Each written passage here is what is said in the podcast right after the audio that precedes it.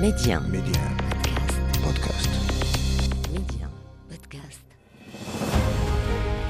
يقال من لا تاريخ له لا مستقبل له والتاريخ المغربي ماض مجيد يحفل بالوقائع والأحداث أفتح معكم أنا محمد الغول كتابه وأختار لكم منه كل أسبوع صفحة من صفحاته المشرقة صفحات من التاريخ ميدي 1 محمد الغول تاريخ المغرب أهلا بكم متابعي تاريخ المغرب نتابع معكم في عدد جديد غوصنا في التاريخ القديم والعريق للمدينة الجديدة.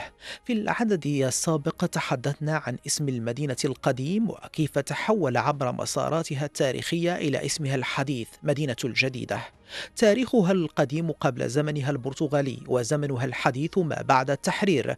في عدد اليوم نواصل تعريفكم على هذا التاريخ الغني لهذه المدينة حيث الفترة البرتغالية تشكل بكل تأكيد علامة بارزة في هذا التاريخ والشواهد في المدينة حاضرة قوية تجعل منها مدينة متميزة في نواة نسيجها العمراني الحضري عن بقية المدن المغربية بشكل واضح. تميز جعل على اليونسكو تصنفها ضمن قائمة التراث العالمي منذ العام 4 و2000 كما صنفت المدينة تراثا وطنيا بظاهر الثالث من نوفمبر العام 1919 خاصة آثارها البرتغالية الصامدة منذ بداية القرن السادس عشر.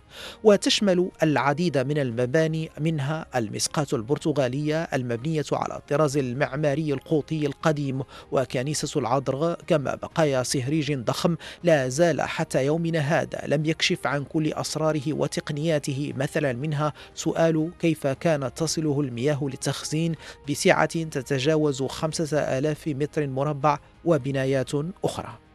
مدينة الجديدة شهدت خلال فتراتها التاريخية المتعددة حالات أفول وازدهار وهو ما يفسر حضورها وغيابها في الكتابات التاريخية. وقد تم تحرير المدينة من الوجود الاستعماري البرتغالي خلال فترة السلطان العلوي سيدي محمد بن عبد الله الذي تميز باهتمامه الواضح بتحرير الثغور واستعادة القوة البحرية المغربية من خلال بناء أسطول قوي. القوات المغربية لتحرير المدينة فرضت عليها حصارا متدرجا بسبب صعوبة تحقيق الهدف من خلال هجوم مباشر نظرا للتحصينات البرتغالية القوية والتي حدثناكم عنها سابقا. الحصار بدأ شهر نوفمبر من العام 1765 للميلاد واستمر حتى مغادرة البرتغاليين المدينة صباح السبت الحادي عشر مارس 1769 لتطوى بذلك الصفحة الأخيرة الأخيرة من وجود استمر 245 عاما. الراوي محمد بن القاسم بن محمد بن محمد بن سليمان المراكشي في مؤلفه الحلل البهيجة في فتح البريجة. والبريجة هنا هو أحد أسماء المدينة العديدة. يقول عن هذا اليوم العظيم واصفا ما وقع نتيجة إخلال البرتغاليين بالمعاهدة التي وقعوها مع المغاربة وتقضي بخروجهم فقط بمتاعهم الشخصي وترك المدينة قائمة سالمة. الراوي محمد بن القاسم يقول لقد كان يوم الانتصار هذا تميز كذلك بمآسي وأحزان حيث مات العديد من المسلمين تحت أنقاض الأسوار وحصن الأبواب البرية عندما قام أحد البرتغاليين الذي بقي لوحده داخل أسوار المدينة بإشعال المينات والخدائع التي وضعها الحاكم البرتغالي دينيش غريغوريو دي ميلو إل كاشرو وماندوسا ورئيس فيلق المهندسين والمدفعيين لويس دالنكورث. السلطان سيدي محمد بن عبد الله راسل الملك البرتغالي جوزيف الأول مستنكرا ما قام به القائد دوميليو ويتهمه بخرق قواعد الحرب والتصرف بسوء نية. الجانب البرتغالي اعتبر تصرفهم هذا ردا على نقد المغاربة لاتفاقيات سابقة. منها اتفاقية تعود للعام 1764 وقعها السلطان سيدي محمد بن عبد الله مع الملك البرتغالي جوزيف الأول. وتوسط فيها أحد الجنود البرتغاليين الذي كان قد تم أسره سنة 1752 في معركة دارت بضواحي قلعة مازاغان بين البرتغاليين والمغاربة من أهالي آزمور وقبائل أولاد بوعزيز وأولاد فرج. نتيجة هذا التصرف البرتغالي ورغم تحرير المدينة بقيت خربة مهجورة لمدة قبل أن يتم إعمارها من جديد.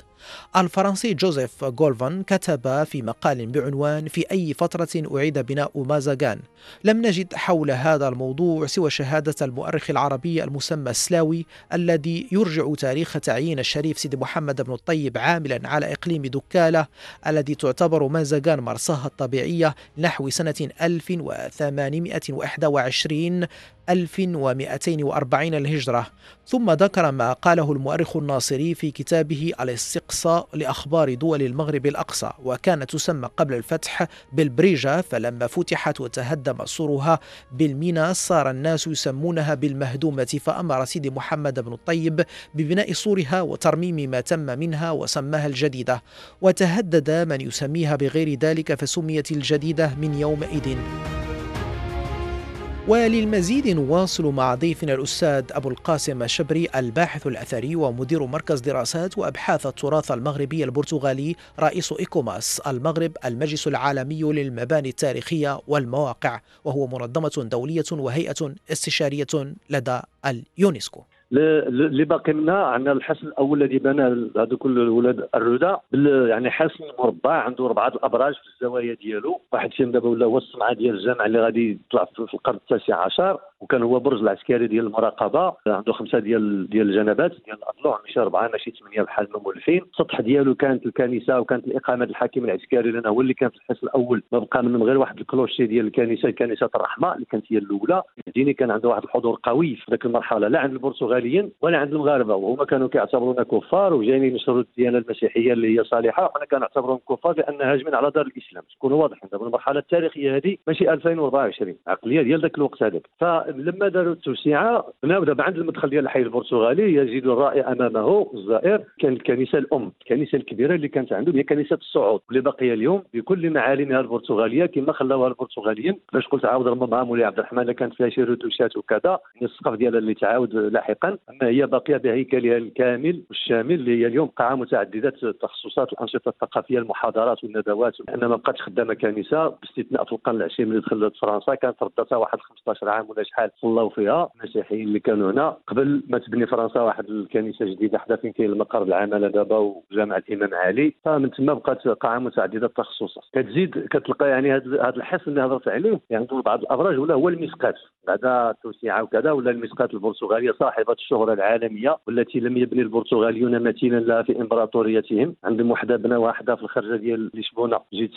ساو جوليا وداباغا. تابعة دابا القوات العسكرية في البرتغال. ماشي دائما مسموح الولوج لها ولكن صغيرة الا جينا نقارنوها ولا في يعني في الجماليه ديالها وفي الهيكل ديالها كله صغيرة على هذه وما وصلش للمستوى ديال المسقات البرتغاليه اللي عندنا دابا هنا في الحي البرتغالي في جديدة. الضخامة ديال الأسوار والابراج كذلك يعني تسر الناظر لأن الأبراج يعني كاين جولة بانورامية فوق فوق السور. آه، كيطلع الإنسان كيستمتع بالجولة كيشوف الأبراج كيفاش كانت مصوبة البستيونات الدافع ديالهم. باقي جزء من الخندق المائي اللي فيه دابا لو شونتي نافال ديك الورشة ديال استصلاح وبناء السفن. كاين واحد العدد ديال الأبنية أخرى لأن غتبان ملي غادي نحررها غادي يدخلوا الزوايا. كاين الزوايا عاوتاني ثم بنايات في الحي البرتغالي وكاين أبواب ونوافذ اللي فيها باقي من العهد البرتغالي اللي فيها من القرن 19 بعد إعادة الإعمار لأن بعد إعادة الإعمار ديالها في القرن 19 من طرف مولاي عبد الرحمن بن هشام غادي يدخل يسكن فيها المغاربة اليهود والمسلمين فكل واحد عنده طابع ديال المعمار ديالو طبيعه الحال على حسب التصفيف وكذا. ودخلت جالية أوروبية لأن ولات مرفأ تجاري نشيط. فدخلت جالية أوروبية فيهم اللي سكن داخل هذا الحي البرتغالي حتى هما. داروا واحد اللمسة ديالهم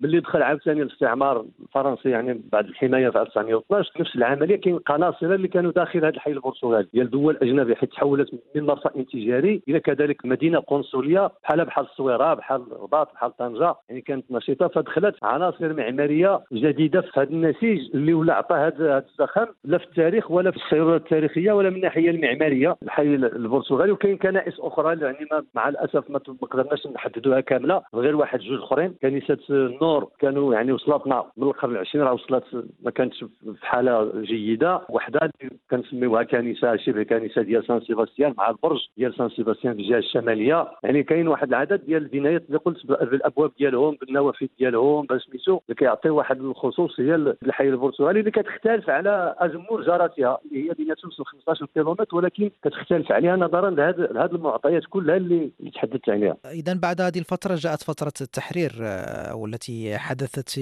خلال فترة حكم السلطان سيدي محمد بن عبد الله.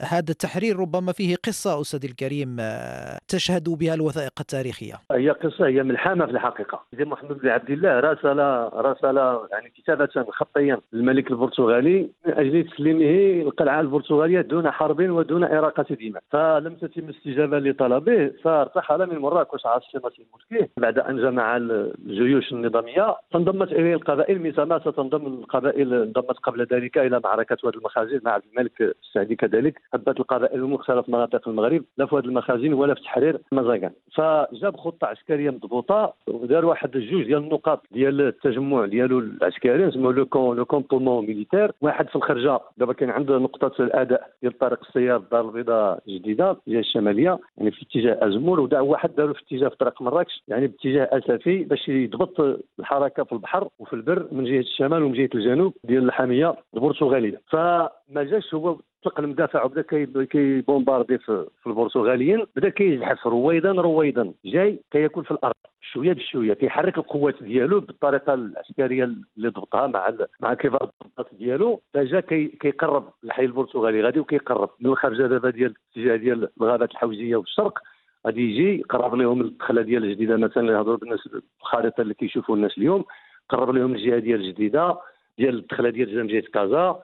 زاد مشى فين كاينة دابا مثلا فين كاينة العمالة وال château d'eau الناس غادي يجيو غيشوفوا غيبان لهم البلاصة عالية وكتراقب المجال وكذا غادي كيقرب مشى كيزحف في الاتجاه الجنوبي في الاتجاه الغربي إلى أن أحاط بالقلعة كاملة. والمدافع ديالو قربت ولات واصلة محطوطة في la plage هنا ديال الجديده مقابلة هي المدافع البرتغالية في جهه أخرى وبدا كيدور عليهم كيدور حتى سركل الدارجه المغربيه الفرنسويه أحاط يعني بالمدينة أحاط بالقلعة البرتغالية من كل جنباتها فلم يتبقى للبرتغاليين أي منفذ لا لاستقبال يعني الدعم من من جهه من البرتغال. اللي يمكن يصيفطوا عليهم ولا القوات اللي عندهم هنا قادرة باش تواجه هذاك الطريقة الخطة الجميلة والذكية والعدد كذلك. ديال العساكر وتا هو عنده المدفعية ديالو بحالو بحالهم. فاضطروا ذاك الساعة الملك البرتغالي باش يطلب الهدنه ديال يخويو يخويو القلعة. فأعطاهم أمان سيدي محمد بن عبد الله ثلاث أيام ويمشيو ما يديو معهم حتى شي حاجة باستثناء الممتلكات الكنسية احتراما الجانب ديال الإحساس الديني وسميتو. قال لهم خذوا معكم لأن حنا كنعرفوا الكنائس ماشي بحال الجوامع ديالنا هما الكنائس كتكون عامرة بمقتنيات فعلا. مقتنيات كثيرة كتكون فيها تماثيل في هذا هذا صولجان هذا ما عرفتش واحد العدد صليب. كيكون عنده صليب كذا يعني حمل جال الحاكم البرتغالي مع الأسف سيخون هذا العهد سيحمل كل الممتلكات وسيحكى انه قطع الرجلين ديال الأحصنة ودا المدافع ديال البرونز خلانا غير مدافع الحديد وماشي كلهم. والأغرب من ذلك هو أنه بعد أن يعني غادرت كل ذاك 2200 واحد ديال البرتغاليين فاش مشاو فخلى شي واحد شعل بارود براميل البارود في سور الواجهه فتم التدمير ديال سور الواجهة ونهار في الخندق المائي. وكان عنده يعني هذا الخندق المائي اللي كان فوق من القنطرة الوحيدة المؤدية من وإلى هذه القلعة. هذاك الشيء علاش اللي غادي يشرح لنا على أنها بقات واحد 50 سنة تقريبا شبه شبه خلاء دخلوا بعض المغاربة ماشي ما دخلوش ولكن ما يمكنش لأن ما عندكش باب ما عندكش منفذ مقاد ما عندكش هذه ولا ديما عندك هذاك الخندق المائي كيخلق لك مشكل فبقات خلاء هذا الشيء اللي كيبرر بان اليوم الصوت الواجهة كيختلف على الاسوار الثلاثة الأخرى. والبرج الحاكم اللي كان فوق الباب كيتسمى يعني البرج الحاكم يعني البرج العسكري الذي كان يحمي المدخل وكان فيه العساكر هم الذين يتحكمون في تلك القنطره المتحركه حتى هو نهار يعني كان هو غير برج صغير ماشي بحال الابراج الاخرين ديال الزوايا اللي تحدثت عليهم نهار بقات منه بعض الحجرات هما اللي كيبانوا منه دابا الناس اللي ما غاي شي ولاد الاختصاص ما غيفهموش هذيك الحجرات شنو كيديروا ولكن هما كانوا ديال البرج الخامس اللي كان فوق الباب. الملك البرتغالي ووزيره الأول آنذاك ماركيز بومبال داروا خطة أخرى لهاد الناس باش ما يبقاوش يعيشوا معاهم في البرتغال غادي يصيفطوهم من البرازيل لأنه هو في الحقيقة خلق واحد المشكل اجتماعي في البرتغال خلق واحد المشكل اجتماعي لأن هادو المزاقانيين وكانت عزيزه عليهم مزاقهم ما بغاوش يخيو هنا. التاريخ ماشي أنا اللي كنهضر غادي يلوموا البرتغاليين ديال الناس اللي جالسين على الأرائك ديالهم ونهار التاجو وداك الشيء في المغرب على أنهم ما قدروش ينقذوهم ويصيفطوا لهم الرونفور يعني سلم سلموا المدينة بسهولة ربما. بطبيعة الحال. فقلاو كيلوموا خوتهم في البرتغال على عدم عدم إنقاذهم في الوقت قبل ما يوصل عليهم سيدي محمد بن عبد الله. هذوك البرتغاليين اللي جالسين عاوتاني في البرتغال كيلوموا هادو الساكنة ديالهم اللي هنا في الجديده علاش ما قدرتوش تدافعوا على الشرف البرتغالي؟ فهذا المشكل الاجتماعي هذا غادي يدير لهم القوق في راسهم تما في البرتغال. كانوا صيفطوهم للبرازيل صيفطوهم للبرازيل جمعوهم عاوتاني في البواخر وصيفطوهم للبرازيل غادي ينقلوا واحد جوج تنقيلات. عاد يستقروا التنقيلة الأخيرة. اليوم تدخل دابا الخرائط في الشبكة وغادي تلقى مازاغاو. مازاغاو عطاوها نفس السمية ديال مازاغاو. يعني مازاغان هنا ديال ديال الجديده سماوها فيلا نوفا دي مازاغاو. وجات على الضفة اليسرى لنهر الأمازون. يعني منها البحر باش يعاودوا يخليوهم يبقاو على خاطرهم. كيف ما كانوا عايشين هنا جنب البحر تما غيمشيو يعيشوا جنب البحر وها الواد هو الأمازون. ونبينا عليه الصلاة والسلام. يعني نقلوا نقلوا مازاغان من المغرب إلى إلى البرازيل. هو أه. فعلا واليوم باقي عندهم واحد المهرجان. عندهم مهرجان ثقافي يقام سنويا. وملي كتشوف ذاك اللوحات الفنية اللي كدوز في les parades يعني في ذاك سميتو عليها اللي كيمشيو في الشارع. الفنانين ولا في, الأنشطة الأخرى واحد العدد ديال اللوحات الفنية. كتفهم على أنه هو هو تمثيل وإعادة تمثيل للوجود ديال جدودهم هنا في, المغرب وفي المواجهات اللي كانت عندهم مع مع مع المغاربة والتذكر ديال الوجود ديال جدودهم في, المغرب. وجزء منه في الترحال اللي ترحلوا تما في, في الامازون في, بليم قبل ما يستقروا نهائيا في في, في مزاغا وأنا واحد المرة حضرت واحد المحاضرة في السفارة ديال البرتغال وكان سفير سفير صاحب الجلالة في البرازيل قديما الله يرحمه بالعربي بالسالم سميوه. هو يشهد كان أنا ملي كنت سفير الله يرحمه قال أنا ملي كنت سفير تما كانوا كيصيفطوا لي الدعوة باش نمشي كسفير ديال المملكة المغربية ديال صاحب الجلالة كيصيفطوا لي يعني رسالة رسمية باش نجي نشارك في هذاك هذاك المهرجان لأنه ما عارفين بأن هذاك المهرجان عنده كله كيتقام على الاستحضار ديال ارتباط بالمغرب يعني. ارتباط بالمغرب بطبيعة الحال. فهو ولات دابا مزاكان ربطت المغرب مع البرتغال مع البرازيل. بحال القصة ديال استيفانيكو حتى هو ذاك الفتى الأزمور اللي اختطفوه وباع عبد ومشى يشارك في الاستكشافات وكذا. ربط عاوتاني المغرب والبرتغال وإسبانيا والكرايب والولايات المتحدة الأمريكية والمكسيك كل هذا المسار اللي دار واحد الملحمة أخرى هذه donc يعني مزاكون هذه هو القصة ديال اللي وقعت. فمن بعد ملي غادي يولي الصحه مولي عبد الرحمن وغادي يبني فيها الجامع هو هو الخاتم الطابع ديال المدينة الإسلامية غيبني قبالة الكنيسة. اليوم لما تدخل من مدخل الحي البرتغالي كتلقى أمامك الكنيسة وكاينة ساحة وفي الجنب الآخر هذه الساحه تحدها الجامع يحدها الجامع يعني المسجد. خلى الكنيسة وبنى قدامها الجامع. هذا الجامع هو اللي لاحقا غادي يربطوا البرج العسكري البرتغالي اللي كان برج ديال المراقبة وديال السلطة وديال الاحتلال. غادي يتحول إلى صومعة ديال ديال المسجد غادي تربط بديك الصابه ديك القويس اللي كنسقفوا الزنقة نسموها المغاربة الصابه الصباطات باش كيطلع المؤذن كان زمان كيطلع للراس ديال الصومعة باش يودن دابا عنده البوق ما كيحتاجش يطلع حتى تما عنده الميكرو تحت كيودن. طلع زادوا له ذاك العزري ذاك البرج البرتغالي كنزيدوا له ما يسمى عندنا في المغرب كنسموه العزري هو ذاك la tour الصغيرة اللي كتكون في الراس ديال الصومعة اللي فيها الزليج ولا فيها سميتو ديال العربون ديال العنوان ديال طبيعة المنارات في الغرب الإسلامي اللي خلاوها المرابطين والموحدين بصفه بصفة خاصة. أستاذي الكريم عند آه، إعادة آه، بعد فترة خمسين عاما قضتها مهدومة خلال فترة آه، مولاي عبد الرحمن. لا لا هو أمر الباشا ديالو آه أمر الباشا المنطقة إن لم يكن باشا المنطقة. اذا هو أمر باشا المنطقة بإعادة لا لا هو كان سلطان. البناء كان سلطان آه لأن بعد السلاطين كانوا يحكمون بعض المناطق قبل طبعا وصولهم طبعا إلى السلطة. اذا أمر باشا المنطقة بإعادة البناء. ذكرت بأنه أول بناء تقام فيها هو المسجد. المدينة كما نعلم هي توجد على البحر ميناء مهم واستراتيجي. هل تم استغلالها بعد إعادة بنائها كميناء تجاري أم أنها آه، فقدت أهميتها السابقة أستاذ الكريم؟ بالعكس يعني بعد إعادة استصلاحها من طرف مولاي عبد الرحمن علما أنه في الخمس سنة اللي هضرنا عليها اللي كانت تقريبا شبه خلاء راه جاو الناس سكنوا خارج الأسوار. الأحياء المعروفة اليوم بالقلعة وسطاوي والناس اللي حايطين فيها على برا من القلعة البرتغالية. لا مباشرة بعد إعادة استصلاحها ستتحول إلى إلى مرفأ تجاري في الحقيقة المرفأ التجاري راه بدأ مباشرة بعد التحرير. يعني في النهاية ديال القرن الثامن عشر العهد ديال مولاي سليمان كاع راه بدا بدا يعني حتى قبل إصلاح المدينة. آه وي بطبيعة الحال. يعني تحرك الميناء ديالها كان واحد من أنشط على حسب العدد ديال الكتلة ديال لا ديال الكتلة المالية ولا الكتلة ديال البضائع اللي كانت كتروج في هذا الميناء هذا راه كان من بين أكبر وأنشط الموانئ في المغرب آنذاك. نهاية القرن الثامن عشر حتى بدايه القرن العشرين يعني حتى طلعت الدار البيضاء. تطلع دار اليوطي الميناء ديال الدار البيضاء. ذاك الساعة غادي بطبيعة الحال غادي يقل المنسوب ديال الاشتغال ديال الموانئ المغربية اللي كانت معروفة بصفة خاصة مثلا دابا الجديده الصويره آه، طنجة الرباط براسها. ولات الدار البيضاء هي اللي استحوذت على الأهمية التجارية ديال اصبح الميناء الرئيسي يعني هي الميناء ديال التجارة البحرية في المغرب. فهذا الميناء ديال الجديدة من نهاية القرن الثامن عشر نقدروا نقولوا من عهد مولاي سليمان. ومن بعد كذلك ملي عاود زاد صلاح القلعه مولاي عبد الرحمن بن هشام. كما قلت في البداية رجع رجعت جديدة واحد من أنشط الموانئ في المغرب وكذلك هذا الشيء ملي حيت ولات ميناء نشيط خلات جالية أجنبية استدعى الأمر أن جل الدول الأوروبية إن لم أقل كلها آه، عينت قناصلة لها هنا في في الجديده واللي ما عينتش قنصل كلفات قنصل ديال دولة أخرى ليقوم بأعمال بأعمالها. يعني قنصل مثلا ديال بلجيكا ولكن يقوم بأعمال القنصلية ديال هولندا مثلا كمثال. يعني نعطي مثال. هولندا كانت عندها القنصلية ديالها. فرنسا ألمانيا فرنسا بلجيكا إنجلترا اذا المدينة حظيت بأهمية تجارية كبيرة بهذا المعطى أستاذ الكريم. آه وي. آه وي. كانت أهمية تجارية كبيرة وأهمية قنصلية كذلك لأن ولات مدينة قنصلية مما استدعى الأمر بناء كنيسة جديدة داخل الحي البرتغالي. 1897 99 في اواخر القرن التاسع عشر غادي تبنى واحد الكنيسة جديدة اللي كتسمى الكنيسة الإسبانية.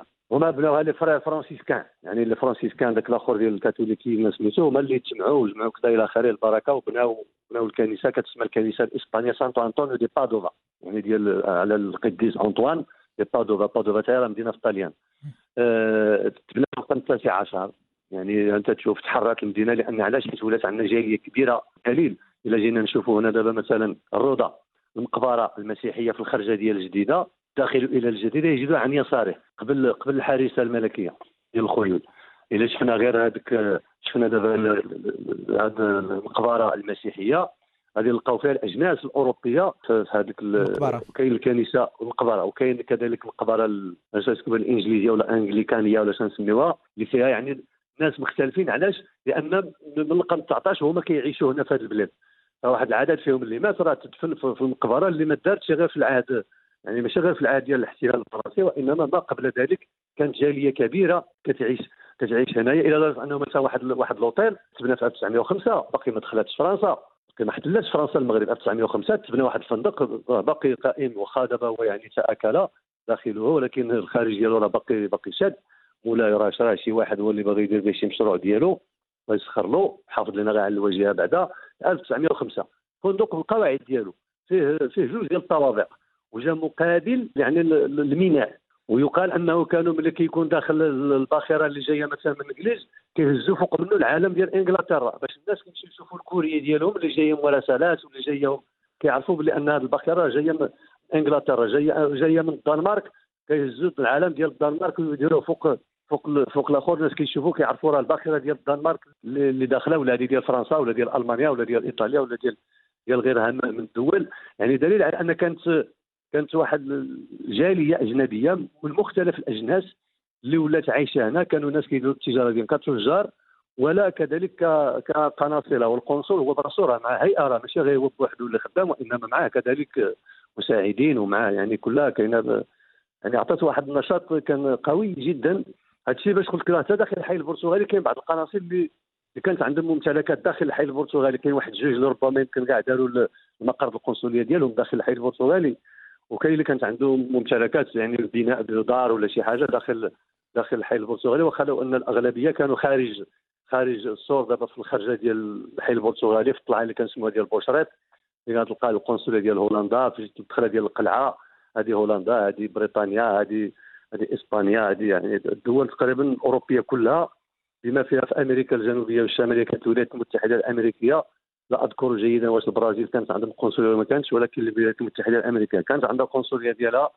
والدول الأوروبية البرتغال إسبانيا فرنسا ألمانيا النمسا بلجيكا إيطاليا إنجلترا كانت عندهم قنصليات تمثيليات قنصلية ديالهم. والدول اللي ما عندهمش القنصل ديالهم هما يكلفوا قنصل ديال دوله صديقه الأستاذ أبو القاسم الشبري الباحث الأثري ومدير مركز دراسات وأبحاث التراث المغربي البرتغالي. رئيس ICOMOS المغرب المجلس العالمي للمباني التاريخية والمواقع وهو منظمة دولية وهيئة استشارية لدى اليونسكو. شكرا جزيلا لك على كل هذه المعطيات التاريخية القيمة. مرحبا. متابعينا الكرام أذكركم أنه يمكنكم الاستماع وإعادة الاستماع لكل الأعداد السابقة من تاريخ المغرب عبر تحميل تطبيق Medi1 Podcast. إلى اللقاء. ميدي محمد الغول تاريخ المغرب.